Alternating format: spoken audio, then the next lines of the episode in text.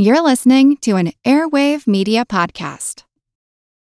This episode is brought to you by Shopify. Forget the frustration of picking commerce platforms when you switch your business to Shopify, the global commerce platform that supercharges your selling wherever you sell. With Shopify, you'll harness the same intuitive features, trusted apps, and powerful analytics used by the world's leading brands. Sign up today for your $1 per month trial period at shopify.com slash tech, all lowercase. That's shopify.com slash tech. When you need mealtime inspiration, it's worth shopping Kroger, where you'll find over 30,000 mouthwatering choices that excite your inner foodie. And no matter what tasty choice you make, you'll enjoy our everyday low prices, plus extra ways to save, like digital coupons worth over $600 each week. You can also save up to $1 off per gallon at the pump with fuel points. More savings and more inspiring flavors make shopping Kroger worth it every time. Kroger, fresh for everyone. Fuel restrictions apply. This is Kick Ass News. I'm Ben Mathis.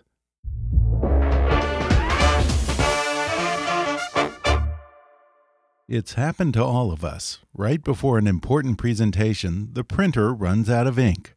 Brother Inkvestment tank printers help put a stop to this and can literally change the way you ink. With your choice of one or two years of ink included in box, Inkvestment Tank helps eliminate the expense and hassle of frequently buying and replacing ink cartridges. Learn more at changethewayyouink.com. What makes a data breach the worst breach of all time? How about losing our social security numbers, the keys to our identities? How about losing 145 million of them?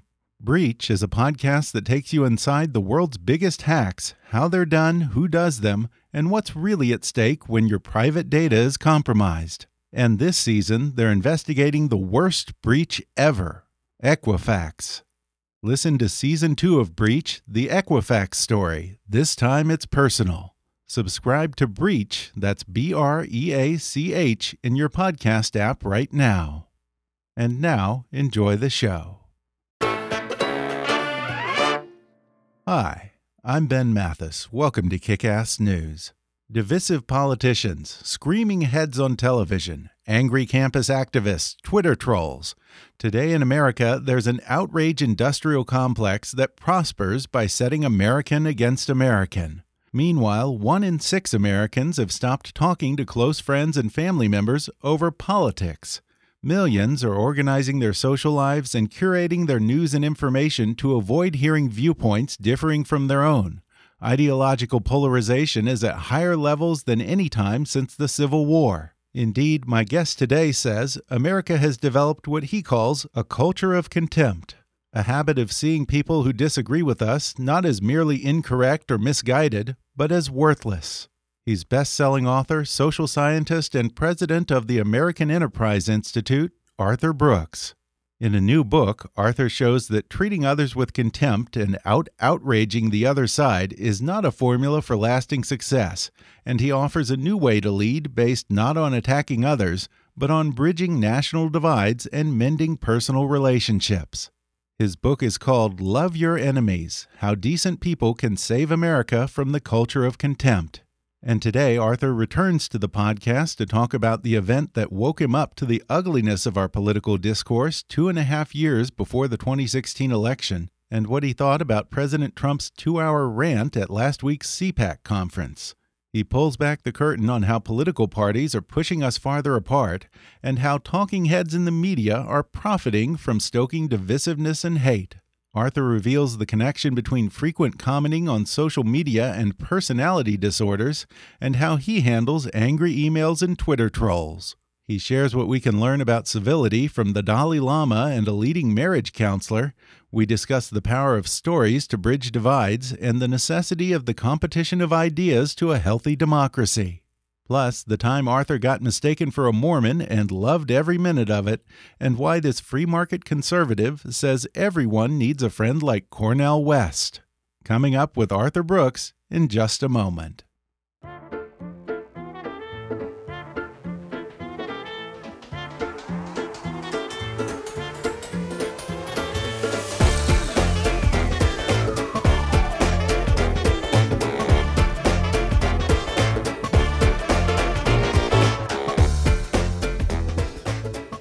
Arthur C. Brooks is president of the American Enterprise Institute. He is also an op ed columnist for the Washington Post and host of the podcast, The Arthur Brooks Show, as well as the author of 11 books, including the bestsellers The Conservative Heart, The Road to Freedom, and his latest, titled Love Your Enemies How Decent People Can Save America from the Culture of Contempt. Arthur, welcome back to the podcast. Thank you. It's wonderful to be with you. Well, I enjoyed this new book, Love Your Enemies. And in it, you say that you first noticed the acrid tone of politics about two and a half years before the 2016 election. You were speaking to a group of conservatives, I think in New Hampshire. Uh, what did you see there that alarmed you? Well, I, knew something was kind of up because you know the tone of politics had been going down for a long time, Ben. I think that you've seen that, and I've seen that, and a lot of people listening to us have seen that too. But it came, I kind of figured out the path that we were on for the first time. I, I was eh, giving a speech in New Hampshire, as you say, and that's that's what I do for a living. I do you know 150 speeches a year, so I'm traveling around a lot, and I talk to a lot of different audiences. This was a conservative activist crowd, however, about 700 conservative activists in in New Hampshire, and I was the only speaker on the panel on the day. Actually, it was one speech after another that wasn't a presidential candidate. Know, now back in those days, it seemed like everybody in America was running for president on the Republican side, and there was something like 16 people and me. And I, I showed up a little bit early and I was listening, and, and they were doing what presidential candidates always do. You know, they were basically saying to sympathetic audiences, "You're right," and the other side's stupid, kind of throwing red meat out in the audience. And I thought, huh, I wonder what I can say that would be different because I don't have to run for anything. And so I, I tried to make a point that I thought was pretty uncontroversial, even though maybe not popular, which was, and I said in the middle of my speech, look, you know, we all agree here on public policy, on economics and foreign policy and such, but let's remember for a second the people who don't agree with us, and they're not here because they don't agree with us. These are political liberals. And I want you to remember simply that they're not stupid, they're not evil, they're simply Americans who disagree with us about policy. And it wasn't an applies line. And but the la- a lady in the audience, she said, "I think they're stupid and evil." And it was funny wow. because at that moment, yeah, I know. And at that moment, I I thought about my hometown in Seattle. And the reason is because it's the most liberal place, and I come from a liberal family. My mother was an artist. My father was a college professor. I mean, guess what their politics were? Big surprise.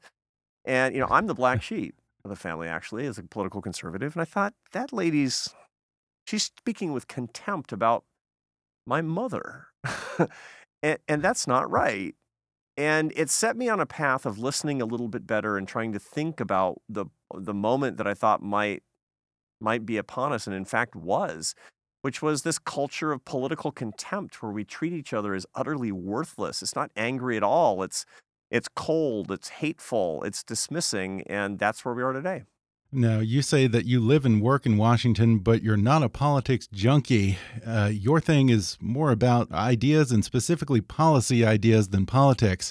And I want to ask you about this weekend CPAC because I'll tell you, I'm, I don't know if you actually attended this year. I know you have before.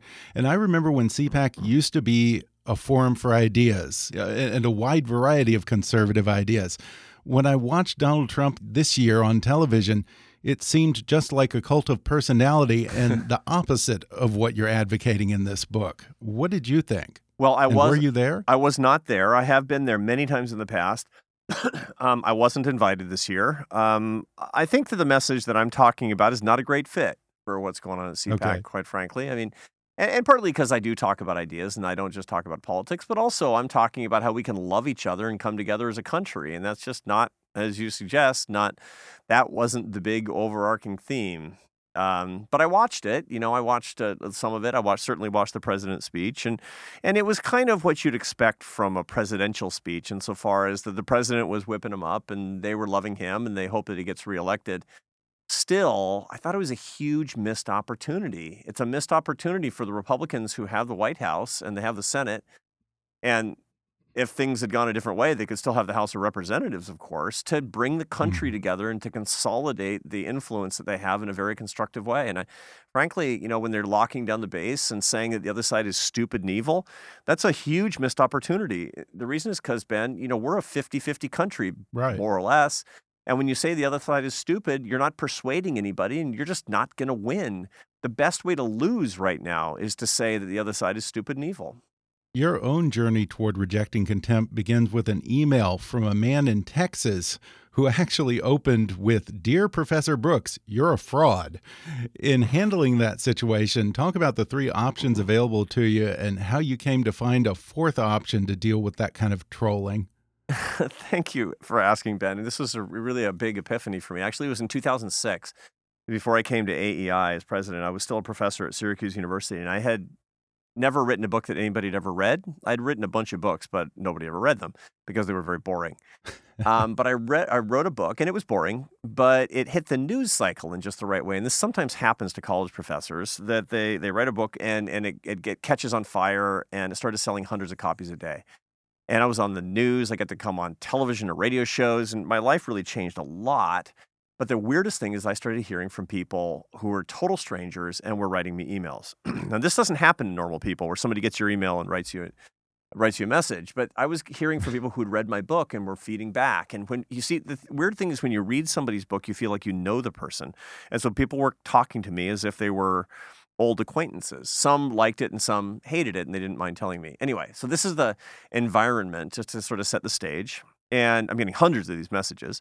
I got an email from a guy um, like a Wednesday afternoon, a few weeks after the book came out. It starts off just like you said, Dear Professor Brooks, you're a fraud. Maybe he even said, I can't remember, you're a right wing fraud. and which is like that's a pretty bad way to start email, right? Yeah. But I'm I'm you know, I'm game, you know, I'm reading and and I realize very quickly that this email is like 5,000 words long. It's going to take me 20 minutes to get through it but I'm reading it and and I started noticing, and it was super vitriolic. I mean, you're a moron, everything's wrong. But he was detailed going through every single element of my book, every graph, every chart, every data point, every assertion, and and and con- just telling every telling me every single thing was wrong. You know, talking about other sources of data. And I was about 15 minutes into this thing, and I, I became aware of my emotions, which is pretty rare for me. And I noticed I was full of gratitude because he read my book. And nobody ever read true. my books. My books, I mean, it was crazy. And, and so my heart was overflowing with gratitude to this guy who was just ripping me. So I thought, you know, this guy's in Texas. At the time, I was in Syracuse, New York. I got nothing to lose. I'm going to tell him. So I just wrote him back and said, you know, dear so and so, I know you hate my book and think I'm a total right wing stooge. But I got to tell you, it took me two years to write that thing, and you read the whole book. I'm really grateful to you for that thank you, send. And and then I go back to work, right? And 15 minutes later, his response pops back up. Ding. And I'm thinking, uh oh, now he's going to be really mad. And I open up his email, kind of bracing myself for the next salvo. And he says, Dear Professor Brooks, next time you're in Dallas, if you want to get some dinner, give me a call. And I thought, what just happened? And what had just yeah. happened is something I subsequently came to understand as a behavioral social scientist. The neuroscience of this is is very clear. There's an anesthetic effect when you show love, especially in the form of gratitude to somebody who's showing you contempt. You neutralize their contempt. You change your own heart, and frequently you change theirs as well. And I learned that mm-hmm. by accident. And I want everybody who reads my book to know how to do it on purpose. Because if you want to persuade people you don't persuade them by insulting them. You persuade them by showing them respect and warm heartedness and love. Yeah, and perhaps this guy was already conditioned to that because, I mean, let's face it, he was doing something that many of us don't do, which is uh, actually bothering to pick up a book and read an opposing viewpoint. I know. And take an interest. it's so true. You know, my colleague Charles Murray, who's been at the American Enterprise Institute for many, many years, many years before I've been here, you know, he gets ripped up on college campuses all the time from people who who say that he's a racist or a pseudoscientist or something, and and it's completely clear that they've never read a single word of his books. They've just read on the internet or someplace that he's evil. That's kind of the sign of the times, right, Ben? Yeah, and in studying this culture of contempt that we're dealing with these days, you talked to a psychologist named Dr. John Gottman, who I think you've talked to on your podcast as well. He claims that he can predict with 94% certainty which couples will divorce within three years just by spending an hour or two with them. Oh, what kind of things does he look for? Yeah. So, everybody who's listening to us who's married, and maybe we got a, a lot of young people who are not married, but probably will be married. So take note of this. This guy named John Gottman, he runs the Gottman Marriage Laboratory in Seattle. He's a professor at the University of Washington in Seattle. And as you just heard, he can predict with 94% accuracy within one hour whether a couple will be divorced within three years. And the, what he's looking for are signs of contempt. Now, contempt is not anger. Anger is uncorrelated with separation and divorce. Contempt mixes anger with disgust in which you treat somebody, the person that you should love more than any other person in the world, as if that person were useless. That you do that with sarcasm, you do that with derision, you especially do that with eye rolling, and you usually don't do it on purpose. It's kind of a bad habit. What he finds is that when couples treat each other with contempt, they make each other into enemies, and that's the surest way to take them to divorce court. Now, the reason I put that in the book is because that's how we treat each other in America all the time on Twitter, in person, and social media mm-hmm. in the comment sections. Uh, we we talk to our fellow Americans who, you know, we don't agree with them. And, and by the way, we shouldn't agree with each other. Places where everybody agrees are mediocre and stagnant. Disagreement, this competition of ideas, leads to excellence and progress. So, and, and we have a moral obligation not to agree with bad ideas. But when people treat each other with contempt, this conviction that the other person is worthless will make permanent enemies. And that goes way beyond disagreement and it makes progress and, and persuasion totally impossible. It's the, the stupidest thing that you can possibly do is to treat another person with contempt if you want to have any prayer at convincing the person that you're right. And he actually says that contempt is physically bad for you, right? Yeah, yeah, yeah, yeah. I love this. It's so interesting. And it's one of the things that we find today. He finds that contempt is bad when you feel that somebody's treating you with contempt, especially somebody close to you, that it gives you uh, a lot of anxiety, depression. It leads to loneliness. Uh, he also finds that when you treat somebody else with contempt, it leads to much higher stress levels. The cortisol and norepinephrine and epinephrine levels, which are the stress hormones that you feel in your body. When you treat another person with contempt, you actually have higher stress yourself. now, that's interesting to me because I understand that in the context of couples that are quarreling but we also see those uh, characteristics in, in today among people who are really involved in politics, especially people involved in politics on social media. High rates of anxiety, high rates of loneliness, rising rates of depression, and very high rates of stress. Exactly the stuff that John Gottman talks about in quarreling couples. So, the, the, the message is this don't treat anybody with contempt if you want to win an argument. And second of all, never treat anybody with contempt if you want to be happy and successful. There are zero reasons to behave in this matter if you want to be a happier, better person that wins more arguments. Yeah, it's interesting that we seem to invest as much in our political beliefs as we do in our marriage and our relationships. Yeah, sad commentary, right? yeah.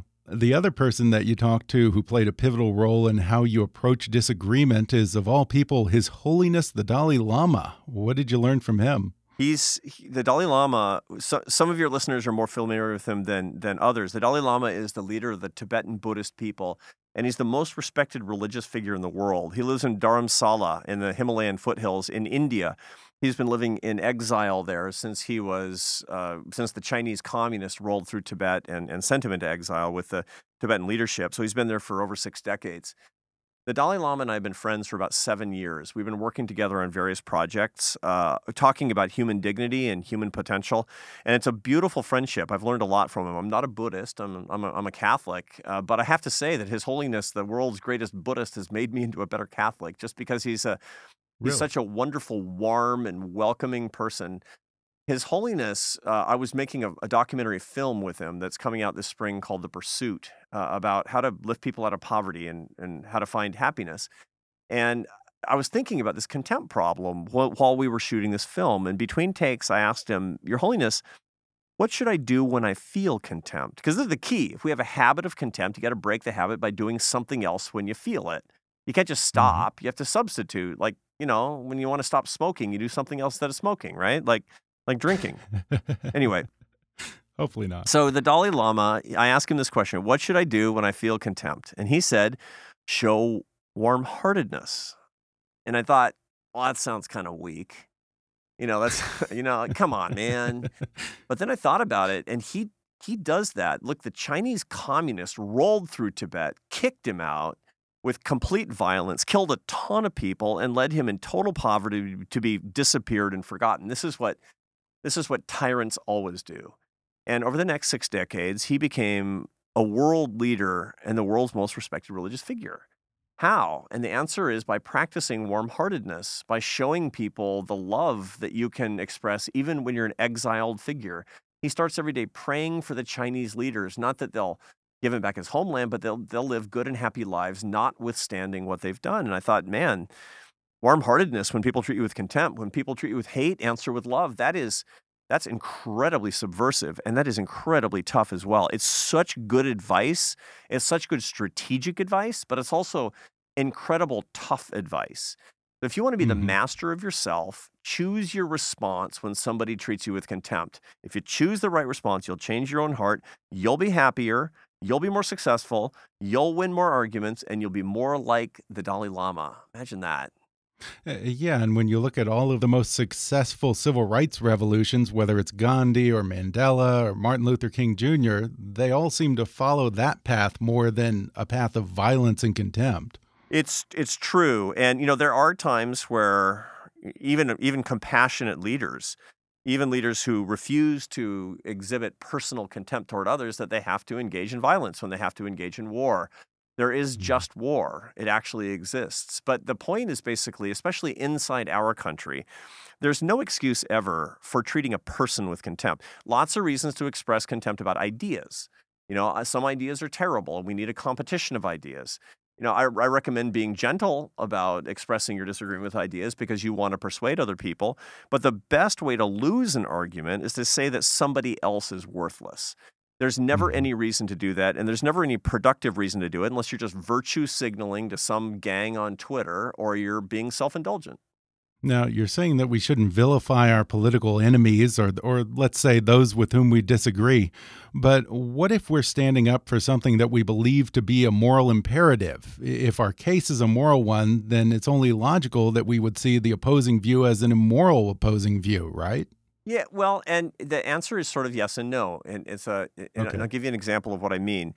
Um, there are cases in which people make just overwhelmingly and obviously immoral arguments arguments that are racist arguments that are they're just hateful toward other people but but once again people are not their ideas uh, you, you, can you can say i completely dismiss that argument but I, I can do it without dismissing another human being and the problem that we have today in our in our, our moral discourse in our political discourse is that we don't separate people from ideas. And as such, we're dismissing people and insulting people and treating people with contempt as opposed to taking their ideas on their merits. And that's a really stupid thing to do because, once again, what you've done is you've made an enemy as opposed to being able to, to get into a debate. Now, the second point and, and this is an interesting one, and one I know you're alluding to, is that a lot of times when we just decide that somebody's ideas are immoral, part of the problem with that is that people have different moral bases for making their decisions.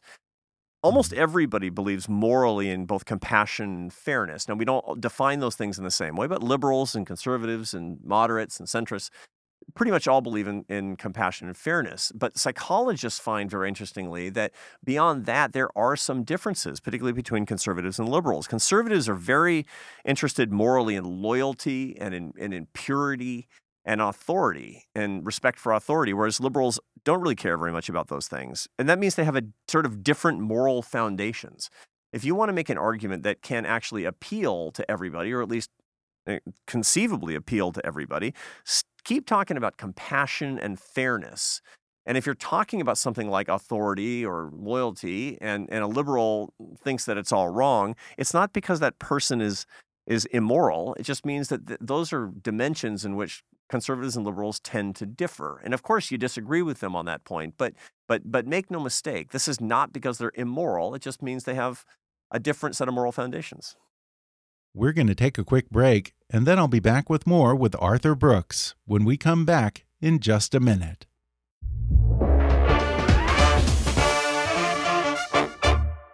If there's something interfering with your happiness or preventing you from achieving your goals, BetterHelp Online Counseling can help. BetterHelp offers licensed professional counselors who are specialized in issues such as depression, anxiety, relationships, trauma, anger, family conflicts, LGBT matters, grief, self esteem, and more. Connect with your professional counselor in a safe and private online environment and get help at your own time and at your own pace. Anything you share is confidential And it's so convenient, you can schedule secure video or phone sessions as well as chat and text with your therapist. If for some reason you're not happy with your counselor, though, you can request a new one at any time for no additional charge. Best of all, it's a truly affordable option. Kickass News listeners even get 10% off your first month with the discount code KICK. So why not get started today? Go to betterhelp.com/kick.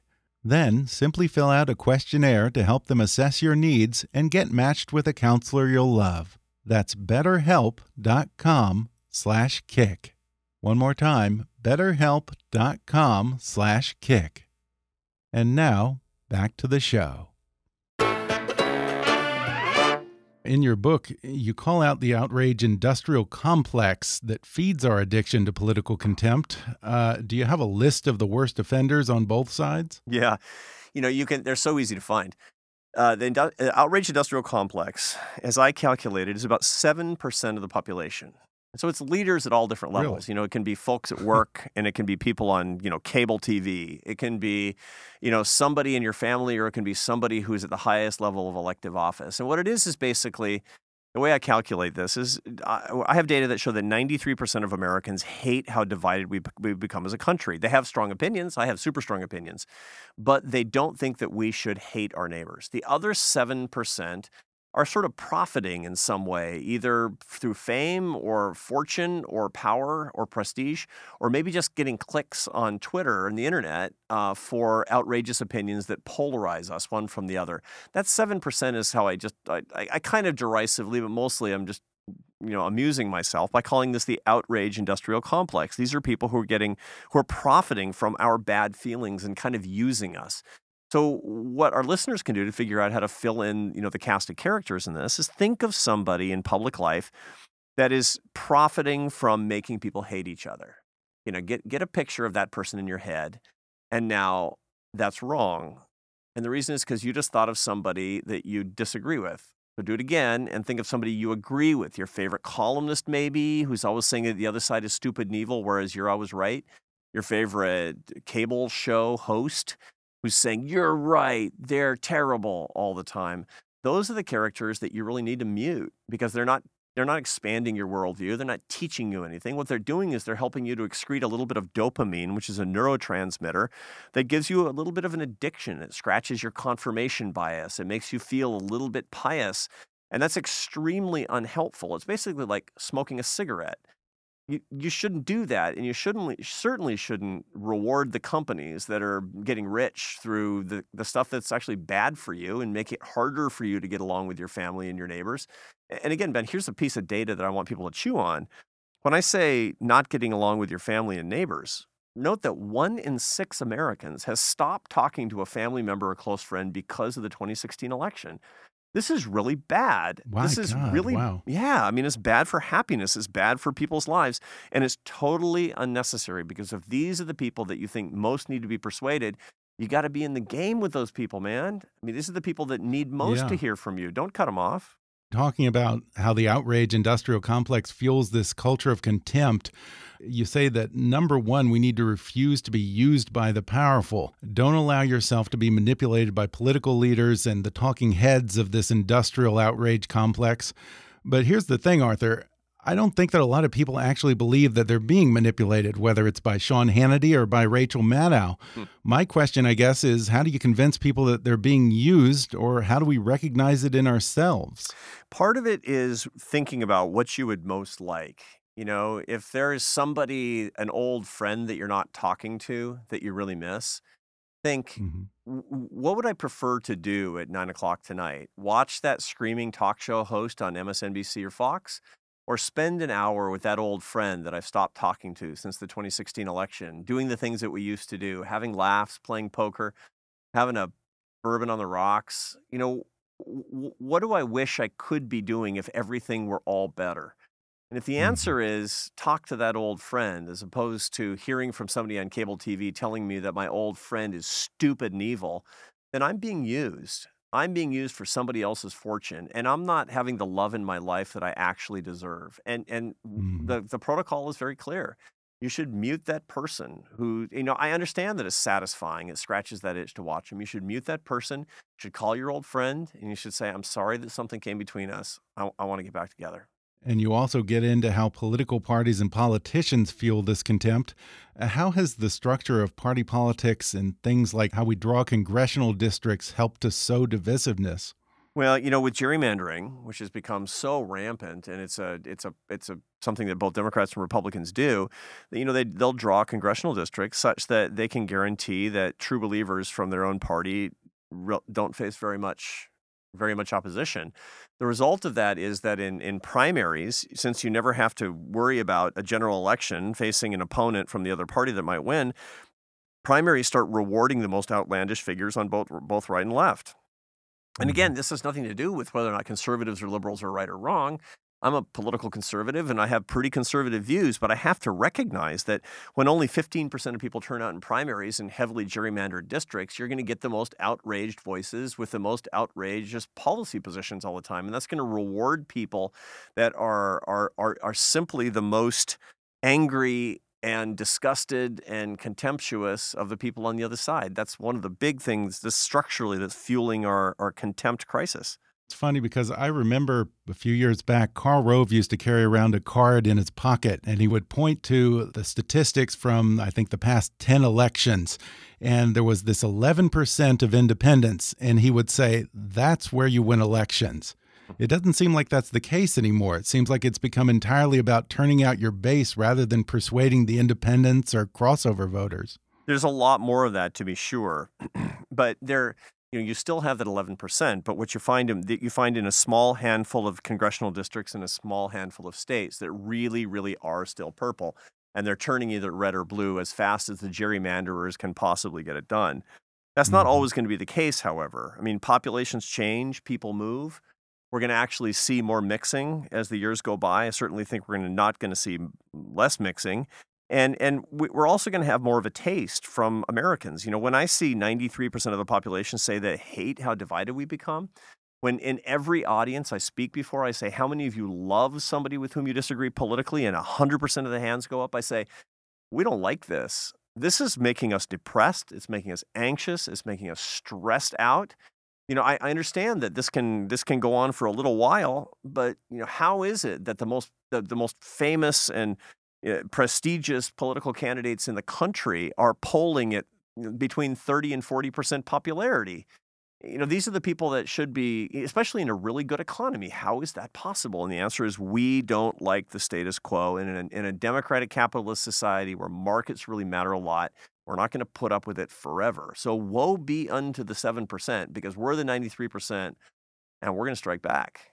But politicians fear that if they don't throw that red meat to the base or go on the attack against their opponents, that they're going to be seen as weak or maybe even get primaried by the extremists in their own party. Yeah.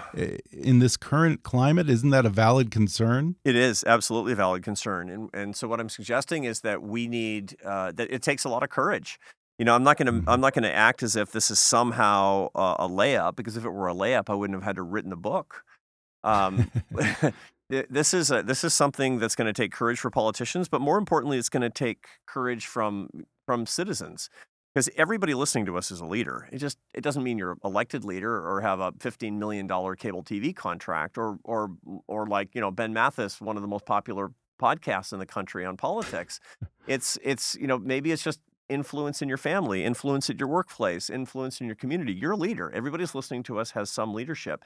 And, and our leadership can be exerted with hatred. It can be exerted in a way that polarizes more and it keeps going to this kind of suboptimal equilibrium that we don't like. Or it can be courageous and say, I want something new. I want something better.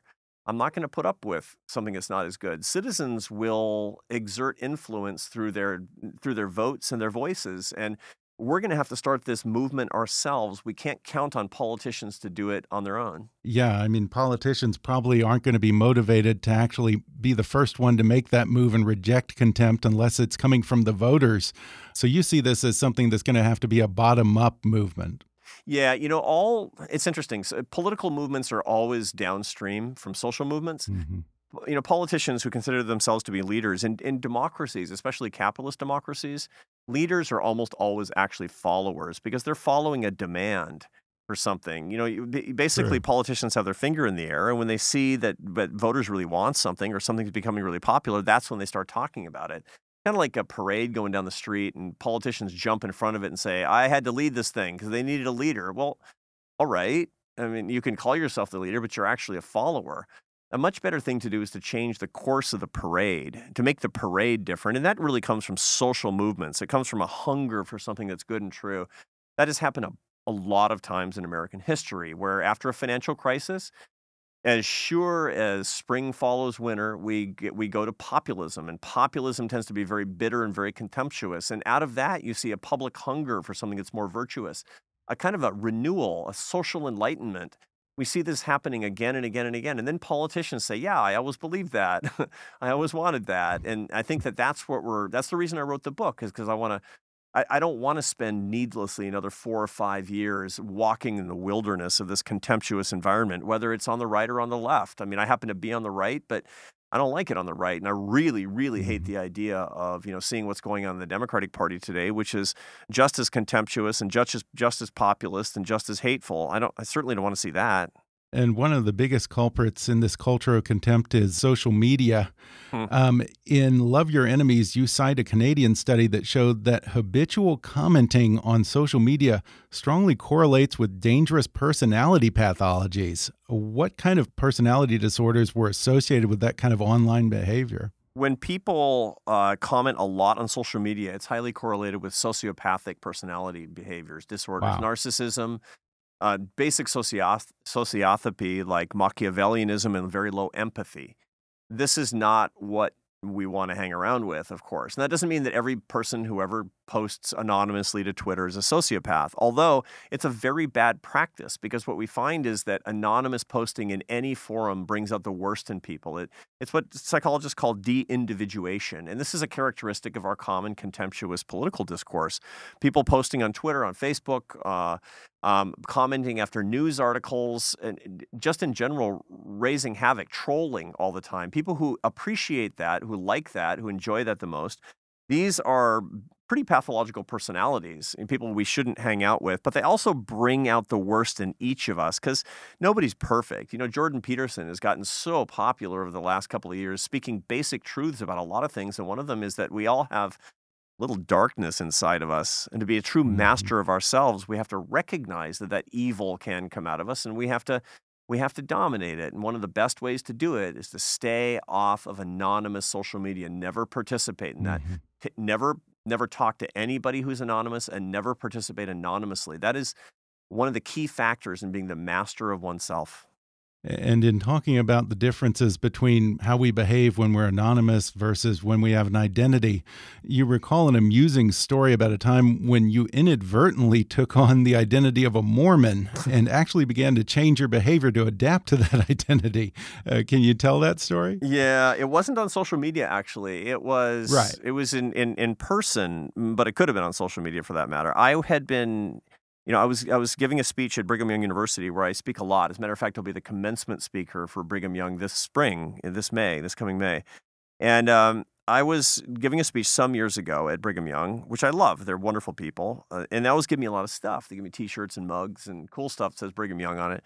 And this one particular trip, they gave me a, an Italian briefcase that at Brigham Young University on it. I thought, huh, it's great. Um, I put it in my briefcase. I put it in my suitcase, I should say, and I folded it up and bring it, brought it home. And and I showed it to my wife. She said that's nice, and I threw it in the closet because I didn't need one. So, uh, come a month later, the handle on my briefcase breaks, and I'm kind of annoyed about that because it was sort of new. And, and my wife said, "Well, don't you know? Don't complain about it. Just go to the go to the closet and get that Mormon briefcase that they gave you." And, and I I said, "I don't I don't know. She says, Are you afraid people are going to think that you're Mormon? And I said, No, no, kind of. And, and and so, but I didn't want to be, you know, challenged like this. So I went to the I went to the closet. And by the way, I should note that to say Mormon is antiquated. It's the Church of Jesus Christ of Latter Day Saints. And I mean, we're saying this right. in, the, in, the, vernacular. But I went to the I went to the closet and I got my Latter Day Saints uh, uh, briefcase out and I started carrying it around. And I'm in the airport all the time because I fly all the time. I'm traveling for work. And I noticed that people would look at my briefcase and look at me, and, and you could kind of watch the wheels turning in their heads. Like, that's a weird looking Mormon. You know, I've never seen an aging hipster Mormon before, you know, kind of. And, uh, And then I noticed that I started acting like a Latter day Saint, or at least I thought one would. I was super nice. I was really well mannered. I was, you know, giving up my place in line. And, you know, I'm trying not to be a jerk, but it was really rise, raising my standards of manners out in public that people thought I was a Mormon. and it was it was unbelievable, actually. It just shows that this that when you when you're acting like or people think that you're something other than who you are, it can make you worse than you were if you're anonymous on Twitter. It can make you better than you were if you're carrying Yeah. a Brigham Young University briefcase. So I recommend that everybody carry a Brigham Young University briefcase from now on. Yeah. And you also relate this to the power of stories and the danger when people don't have a story and the importance of persuading people through stories. In fact, you say that facts don't usually persuade people very well, but stories do. I have to ask because it seems like facts are already under dangerous assault as it is right now. Uh, doesn't this lead us down a dangerous path where we rely more on anecdotal evidence versus facts? In other words, uh, a story of one person who was murdered by a violent gang member from Mexico might be more powerful than broader statistics that might show that immigrants, illegal or otherwise, actually commit fewer violent crimes than the general population. Absolutely. You're absolutely right on that. You know, my friend Ben Shapiro always says that facts don't care about your feelings. Um, Right. and that and is absolutely right. And and there's nobody better at pointing that out than Ben Shapiro. Um, but one of the things I would also point out is that unfortunately, people's feelings don't carry care very much about my facts. Um, they, they're, you know, I can I can cite facts till the cows come home. I, I literally have a PhD in quantitative methods and policy analysis. You know, I can set up these models and run these regressions, and I can stuff regression analysis down the gullet of you know anybody all day long. I'm unbeatable on these games. But you know what? I lose every argument when I do that because people want to know about other humans.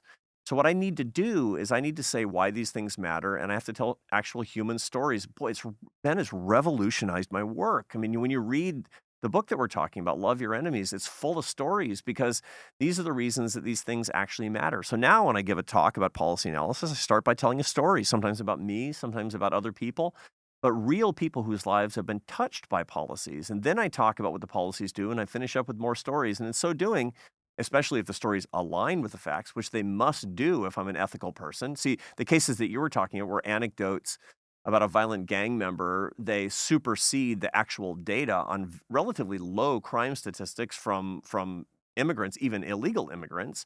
That's an that's an irresponsible, even a dishonest thing to do. Your stories should bolster your facts, and your facts Okay. should should basically steel man your stories. Uh, and in so doing, then you can be a lot more. And and if you don't show contempt, if you show love for other people, in so doing, you're you're a pretty much unbeatable rhetorical force. Now, as president of AEI, I know that you've long been a proponent of economic competition, but you also discuss the competition of ideas as being fundamental to a healthy democracy. That makes a lot of sense because, you know, if we're siloed in our own little echo chambers on social media, surrounded by people who agree with us, we're being intellectually lazy and we're not exercising our persuasive abilities, which I have to imagine makes it a lot harder to articulate our beliefs if we're actually challenged eventually. That's right. You know, the competition of ideas is really fundamental to a free society. It's the difference between American excellence and mediocrity in so many other places in the world. Um, just as competition leads to excellence in markets and prosperity and free elections, which leads to the blessings of democracy, the competition of ideas means that we learn first when we're not right, that we can share better ideas with other people, including other people around the world. Um, but this is one of the real secrets to American progress. Uh, and yet, that's one of the things that we're losing. When we basically say, I'm not going to hang out with or listen to anybody who disagrees with me, we've said, I don't believe in competition. That's the same thing as saying we should have one supermarket or one political candidate. Mhm. Anybody who is basically siloing their social media feeds, who's trying to move into an environment where they don't even see other people they disagree with, going to a college where everybody's liberal, that's somebody who's basically saying, I wish we had one supermarket, one airline, one kind of car, and one political candidate. And that doesn't sound good to me. Well, before we go, uh, you cite the friendship between two Princeton professors who are ideologically polar opposites, Cornel West and Robbie George, and yet they seem to call each other brothers and they say that they love each other and they have this deep friendship. Uh, you say everyone should find their Cornel or Robbie. Uh, where do we go to find our Cornel or Robbie? Well, we got to get out of our comfort zones. We got to go places where people actually do disagree with us and we got to listen with love in our hearts. And one of the things that I recommend is going places where people don't agree with us, whether it's on a college campus or whether it's uh, you know some place where people look like us or they're going to a church maybe where people where we don't know anybody, and and it's listening listening with a lot of respect and love and, and talking about things that we really have in common. You know, one of the things that I do when I bring conservatives and liberals together, and I want them to understand each other, is I ask them to start by talking about their children Oh man, I mean nothing nothing actually creates a bridging Yeah. identity faster than dad or mom. I mean it's unbelievable. and after they after you talk to to each other about your kids, now your teenagers are driving you crazy and you're trying to pay for college and you know and you saw your new baby, I'm telling you, it, you just it's just really really hard to hate each other over politics at that Yeah. point. Um, and so that's how you get your Robbie and your Cornel. So you're saying the kids are the mutual enemy? Not Yeah, you got to. It's they find common cause. Spoken Good like a good dad, like me. yeah. Well, I really enjoyed the book. Again, it's called Love Your Enemies How Decent People Can Save America from the Culture of Contempt. Arthur Brooks, thanks so much for talking with me. Thank you, Ben. I appreciate it so much.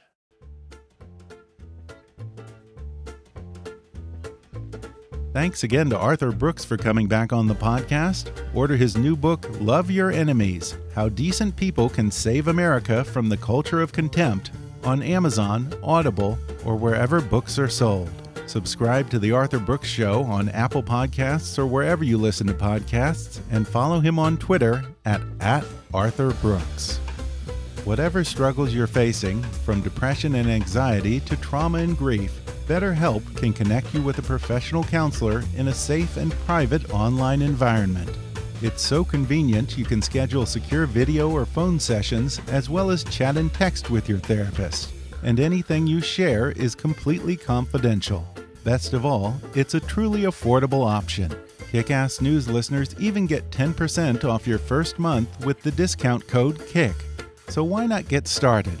Simply go to betterhelp.com/kick and fill out a questionnaire to get matched with a counselor you'll love today. Be sure to subscribe to Kickass News on Apple Podcasts if you haven't already, and if you like what you're hearing, then rate and review us while you're there. Five-star reviews are the easiest way for new listeners to find us.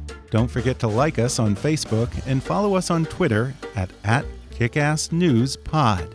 And feel free to email me with your thoughts, questions, and suggestions at comments at kickassnews.com. Until next time, I'm Ben Mathis, and thanks for listening to Kickass News.